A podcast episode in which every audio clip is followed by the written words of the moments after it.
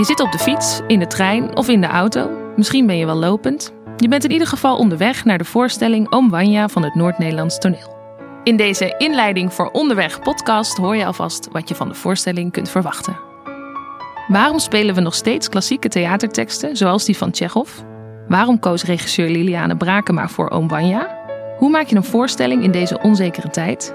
En hoe komt het dat we niet in actie komen tegen grote problemen zoals de klimaatcrisis, terwijl we die wel de hele tijd om ons heen zien?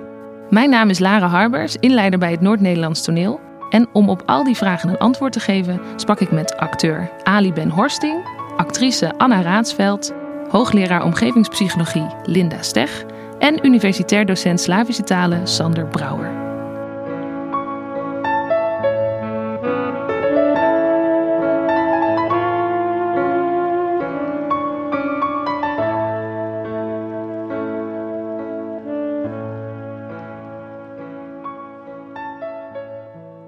Ik ben Liliane Brakema, de regisseur van Oom Banja. Wanneer ik op het idee kwam van Oom Banja... Um, ik wist al uh, vanaf het begin van mijn tijd bij het NNT... dat ik misschien mocht afsluiten met een grote zaal. Dus ik had al heel lang tijd om er een beetje over te dromen. En toen dacht ik, als ik op een dag een stuk van Tsjechov... Um, naar vandaag mag vertalen... Dan, uh, dan zou ik zeker dat doen voor de grote zaal. En toen zijn we uiteindelijk, heb ik alle Tsjechovs opnieuw gelezen. Want ik dacht eerst altijd dat ik de mail wilde doen. Maar toen uh, las ik Oom ja, dacht ik, ja, godverdomme, dat is het gewoon vandaag.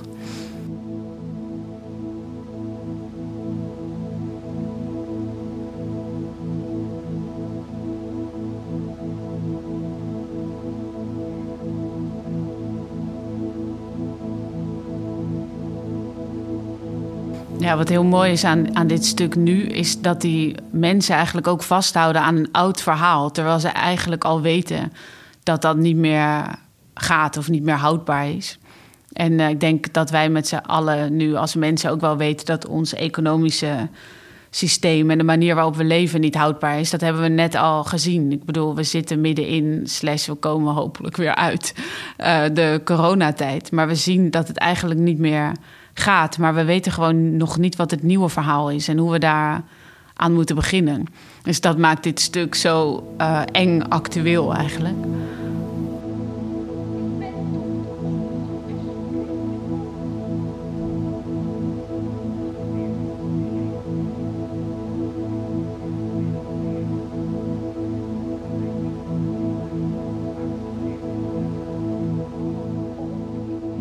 Mijn naam is Ali Ben, Ali Ben Horsting en ik speel uh, Oom Wanja in de voorstelling Oom Wanja.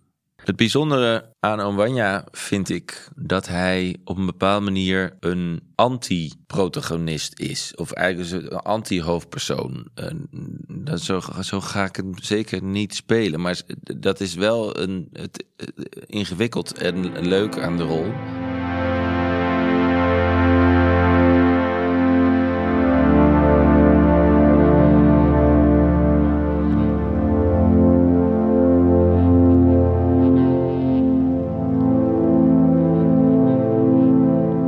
Anna Raadsveld. En uh, ik ben uh, actrice en ik speel Sonja in Omanja. Sonja is een jonge vrouw die... Ehm, haar moeder is overleden. Haar vader heeft ze eigenlijk niet zoveel contact mee. Die woont in de stad. En Sonja is als kind al naar het platteland gegaan... om met haar oom op dat landhuis te werken. Dus het is een vrouw die hard werkt op het land... Um, en heimelijk verliefd is op de dokter, dokter Asthoff. En die komt daar soms langs. Uh, dus ze is al zes jaar heel erg verliefd op hem en durft hem dat nooit te zeggen.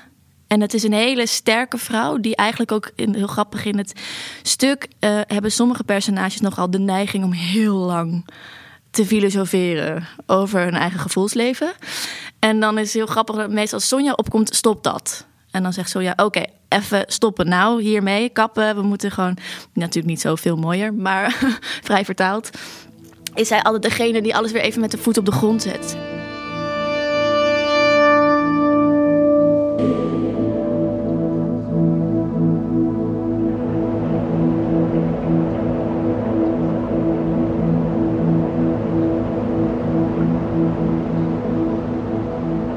Vaak wel van mensen die zeggen... oh, Tsjechov, ja, dat zijn allemaal mensen die, die willen wel, maar die doen niks. En uh, het is allemaal depressief en het is allemaal depressie. Maar ik denk dat ik ben het daar helemaal niet mee eens. Het is niet de depressie. Het is juist niet. Het is het wel heel graag willen, maar niet weten hoe.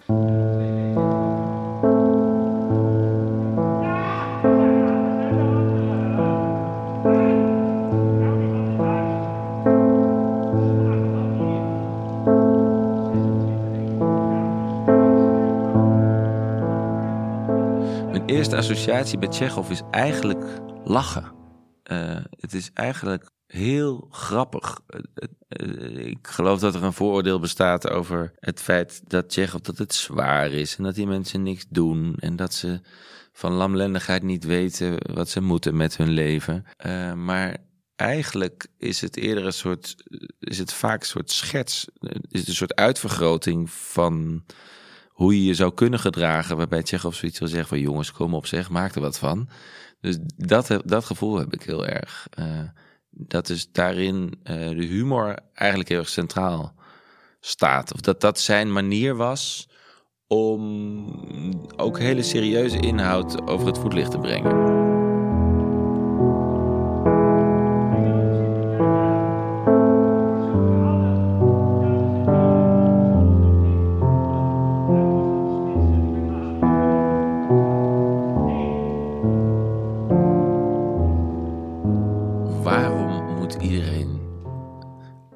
Twee keer of misschien wel vaker in zijn leven Tsjechov hebben gezien.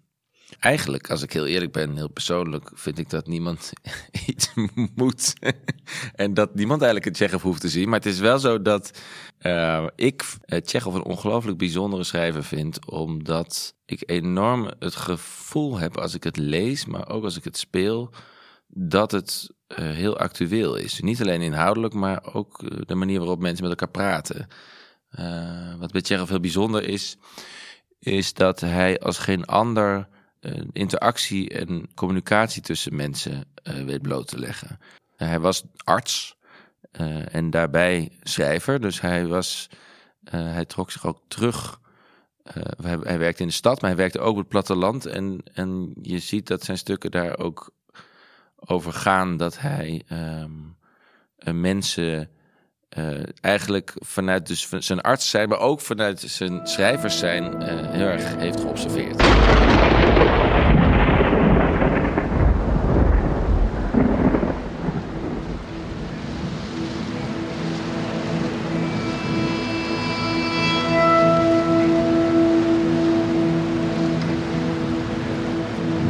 Ik denk uh, dat het grootste misverstand van Tsjechov is dat het saai is. Maar dat is heel logisch, want als je het voor de eerste keer leest, dan zou je ook kunnen denken: ja, maar die mensen die hebben het helemaal nergens over en er gebeurt helemaal niks. Maar juist het drama dat er vaak niks gebeurt, is, um, is zo spannend van Tsjechov. En daardoor voel je een hele suspense en een hele wereld daaronder die die mensen nooit in woorden kunnen zeggen. Um, maar juist dat is de kracht van Tsjechov.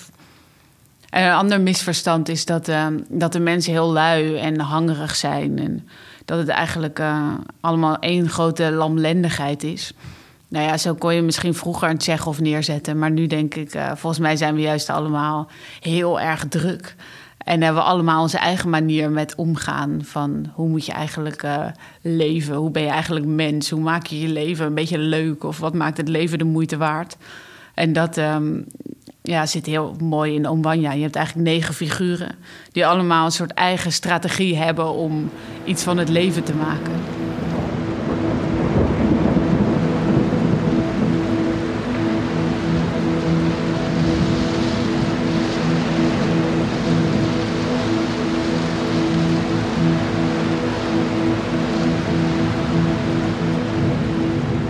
Nou ja, het is een klassieker, dus dat is sowieso leuk. Maar dat je iets kan zien waarvan toch heel veel mensen al heel lang zeggen dat het heel mooi is. En dan kan je kijken of je dat ook vindt of niet. Um, dus dat is er leuk aan. En, en specifiek aan Tsjechov, uh, dat is heel persoonlijk. Vind ik dat, dat je ziet dat hij heel veel van de mens hield. En hij is niet zacht voor de mens. Dus hij laat de mens zien in al zijn lelijkheid, domheid, kortzichtigheid en falen. Maar dat doet hij dan toch weer op zo'n manier dat je, nou ja, eigenlijk dat je ermee kan identificeren. En daardoor misschien ook iets zachter voor jezelf kan zijn.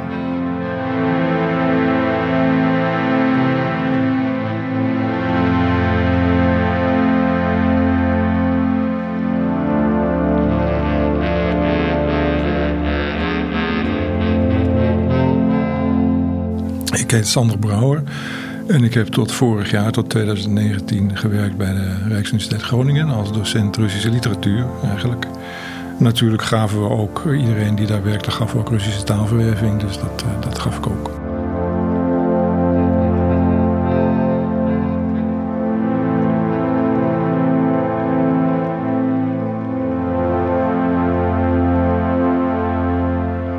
Tsjechov is als het ware de, de zanger van de doodlopende weg uh, in het leven. Uh, dat is zijn poëtica. Hè? De personages kunnen niks, lukt niks, geven alles op. Handelingen leiden nergens naartoe.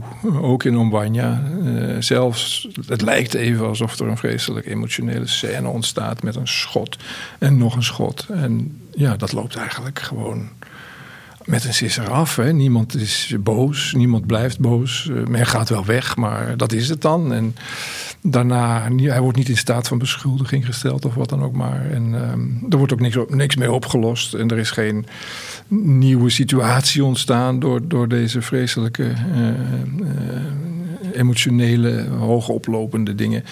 Dus het gaat weer gewoon het gangetje, het leven, wat het ook ging voordat de mensen ten verschenen. En het zakt ook weer in als een soort pudding. En dat is in zijn proza altijd zo. Eigenlijk gebeurt daar wel iets, maar, maar toch ook weer niets. Het, het loopt ook op niets uit. Het loopt op geen, geen blijvende verandering uit.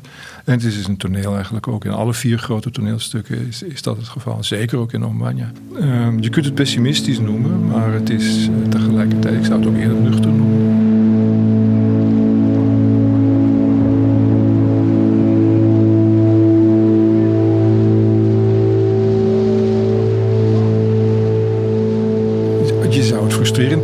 als je op zoek bent naar duidelijke boodschap in het, in het, in het stuk of in het verhaal. Ja. Als je wil dat er, dat er een bepaalde ontknoping plaatsvindt, of dat er een uh, besef doordringt in de personages of zo, of dat aan het eind de personages meer inzicht hebben gekregen, of meer besluitvaardigheid over zich hebben gekregen, dan wel. Ja, dan, dan denk je, hé, uh, uh, ik mis iets, weet je wel. Maar als je inziet dat het nou juist erom gaat, om die besluiteloosheid en die doodlopende weg en dat niets tot stand kunnen brengen om dat nu juist centraal te stellen. Dus eh, dat hele motief van beslissingen moeten nemen, dingen moeten ondernemen, dingen doen en zo, weet je wel. Het lot naar je hand zetten, dat wordt allemaal gefrustreerd en uh, ja, daar, daarvan wordt de onmogelijkheid eigenlijk getoond.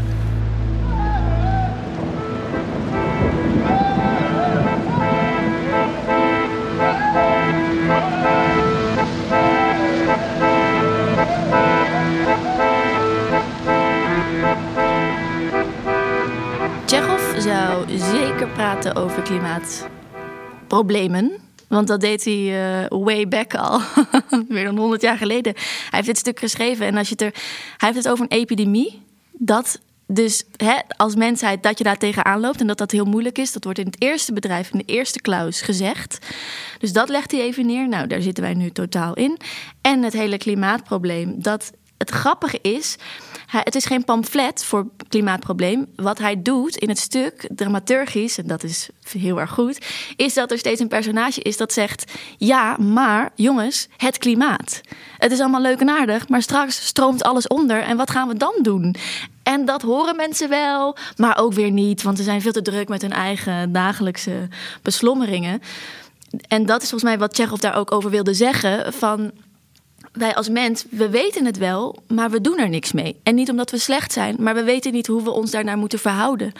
En dat, dat gesprek voeren we nu volgens mij ook. En dus zeker als Tsjechov nu geleefd, geleefd had, dan ging het daarover.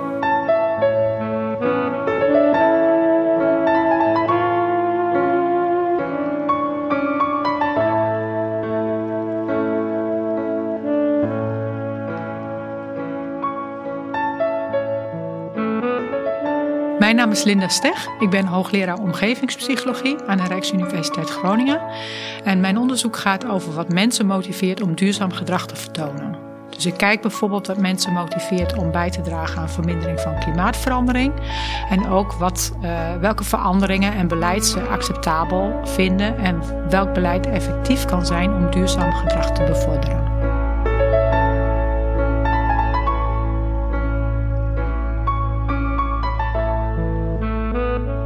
Er zijn verschillende motieven die ertoe kunnen bijdragen dat mensen bijdragen aan de klimaatproblematiek. Vaak wordt gedacht dat mensen vooral uit zijn op hun eigen belang. Dus ze gaan klimaatvriendelijk eh, handelen als het leuk is, als het comfortabel is of als het geld oplevert. Nou, dat is te beperkt. Want heel veel mensen handelen ook klimaatvriendelijk omdat ze het belangrijk vinden dat andere mensen een goed leven hebben. Of dat de kwaliteit eh, van natuur en het milieu gehandhaafd bij of verbeterd zelfs. Dus mensen geven veel meer om het milieu dan wat vaak wordt gedacht. En mensen onderschatten zelf ook hoeveel anderen om het milieu geven. Dus ze denken dat ze zelf het milieu belangrijker vinden dan andere mensen. En dat kan ertoe leiden dat ze denken: ja, nou ja, dan hoef ik ook niet zoveel te doen. Want als niemand anders dat doet, dan heeft dat niet zo heel veel zin. Maar over het algemeen vinden mensen het milieu dus belangrijk. Over het algemeen gelooft ook een overgrote meerderheid dat klimaatverandering optreedt dat dat door ons wordt veroorzaakt, mede wordt veroorzaakt door mensen, en dat dat negatieve gevolgen heeft.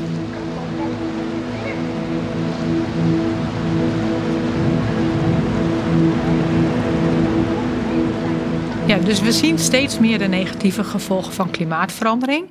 Uh, en je zou denken, oh, dan gaan mensen echt wel iets doen. Er zijn verschillende dingen die daar een rol kunnen spelen. Allereerst wordt die koppeling met klimaatverandering niet heel consequent gemaakt. En er zijn ook allerlei mensen die dat gewoon keihard ontkennen. Die zeggen dat dat niks met klimaatverandering te maken heeft. Trump doet dat nu bijvoorbeeld in Amerika met de bosbranden in Californië.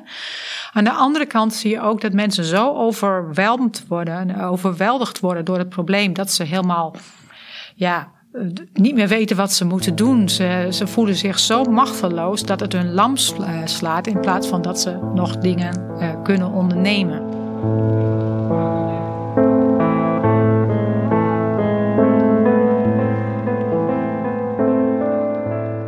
Ja, ik denk dat kunst een hele mooie manier kan zijn om mensen te laten nadenken over wat belangrijk is in het leven en wat belangrijk is in hun leven. En dat het hun kan motiveren om meer duurzaam gedrag te vertonen. Uh, vooral omdat kunst een uh, heel uh, veel intensievere ervaring is dan dat je bijvoorbeeld een stukje leest in de krant of op social media. Zou het heel goed daar uh, wel gedragsverandering kunnen stimuleren, vooral als mensen ook na een voorstelling nog met elkaar daarover gaan praten.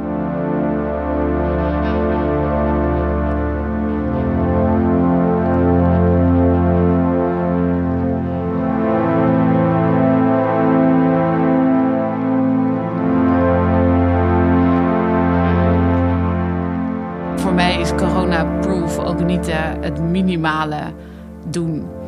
Um, maar juist eigenlijk het maximale doen binnen de omstandigheden. Dus als dat betekent dat we op een gegeven moment moeten omschakelen naar iets heel anders, dan doen we dat. Maar we zetten in op het uh, maximaal haalbare met negen mensen.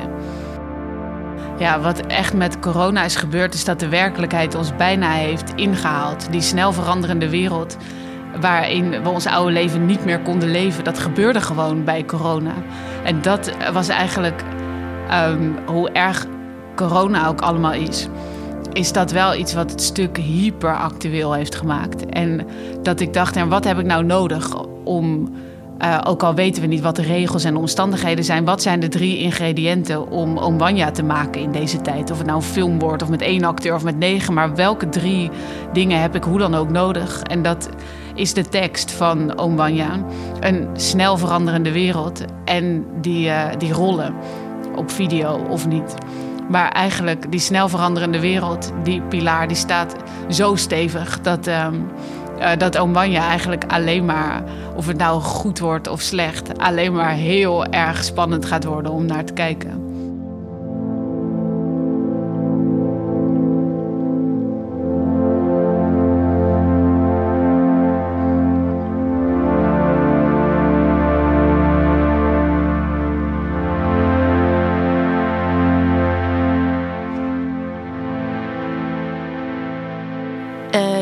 De pandemie of het corona ehm, heeft heel veel invloed op het repetitieproces.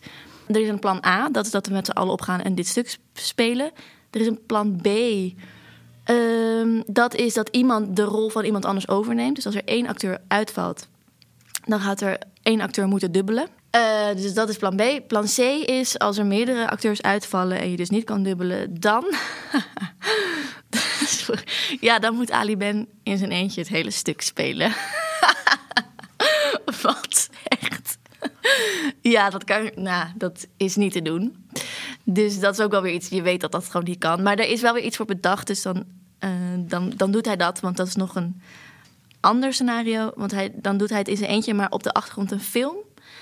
Want er wordt ook een film van de voorstelling gespeeld. Dus stel dat er meerdere acteurs ziek zijn, waaronder Ali Ben. Dan is er ook nog de optie om de film te laten zien.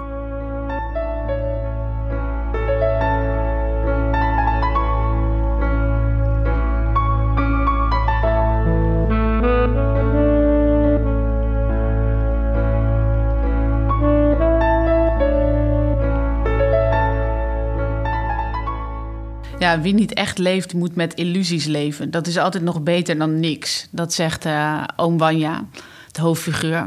En die zin vind ik echt fantastisch. Ik vind dat een hele mooie zin. Ik vind het ook heel mooi omdat die over mensen gaat vandaag, maar ook over theater. Dat toen ik begon met theater, was dat voor mij ook om, om te ontsnappen eigenlijk aan het leven en aan de realiteit. En me helemaal in een rol te kunnen verliezen en iets anders meemaken. Um, dat vind ik heel mooi van de illusie van theater. En uh, je zou natuurlijk ook op de wereld kunnen betrekken. Dat doet ook, dat betekent het voor Tsjechov ook. Wie niet echt leeft, moet met illusies leven. Dat is altijd nog beter dan niks. Dat is wat, uh, wat Wanja zelf doet. Hij houdt nog de illusie in stand dat hij uh, op een dag zal trouwen met Jelena. En dat, dat dan zijn leven goed zou zijn. Maar uh, ja, als toeschouwer zien we dat dat het waarschijnlijk ook niet zal oplossen. En hem zeker niet zal lukken.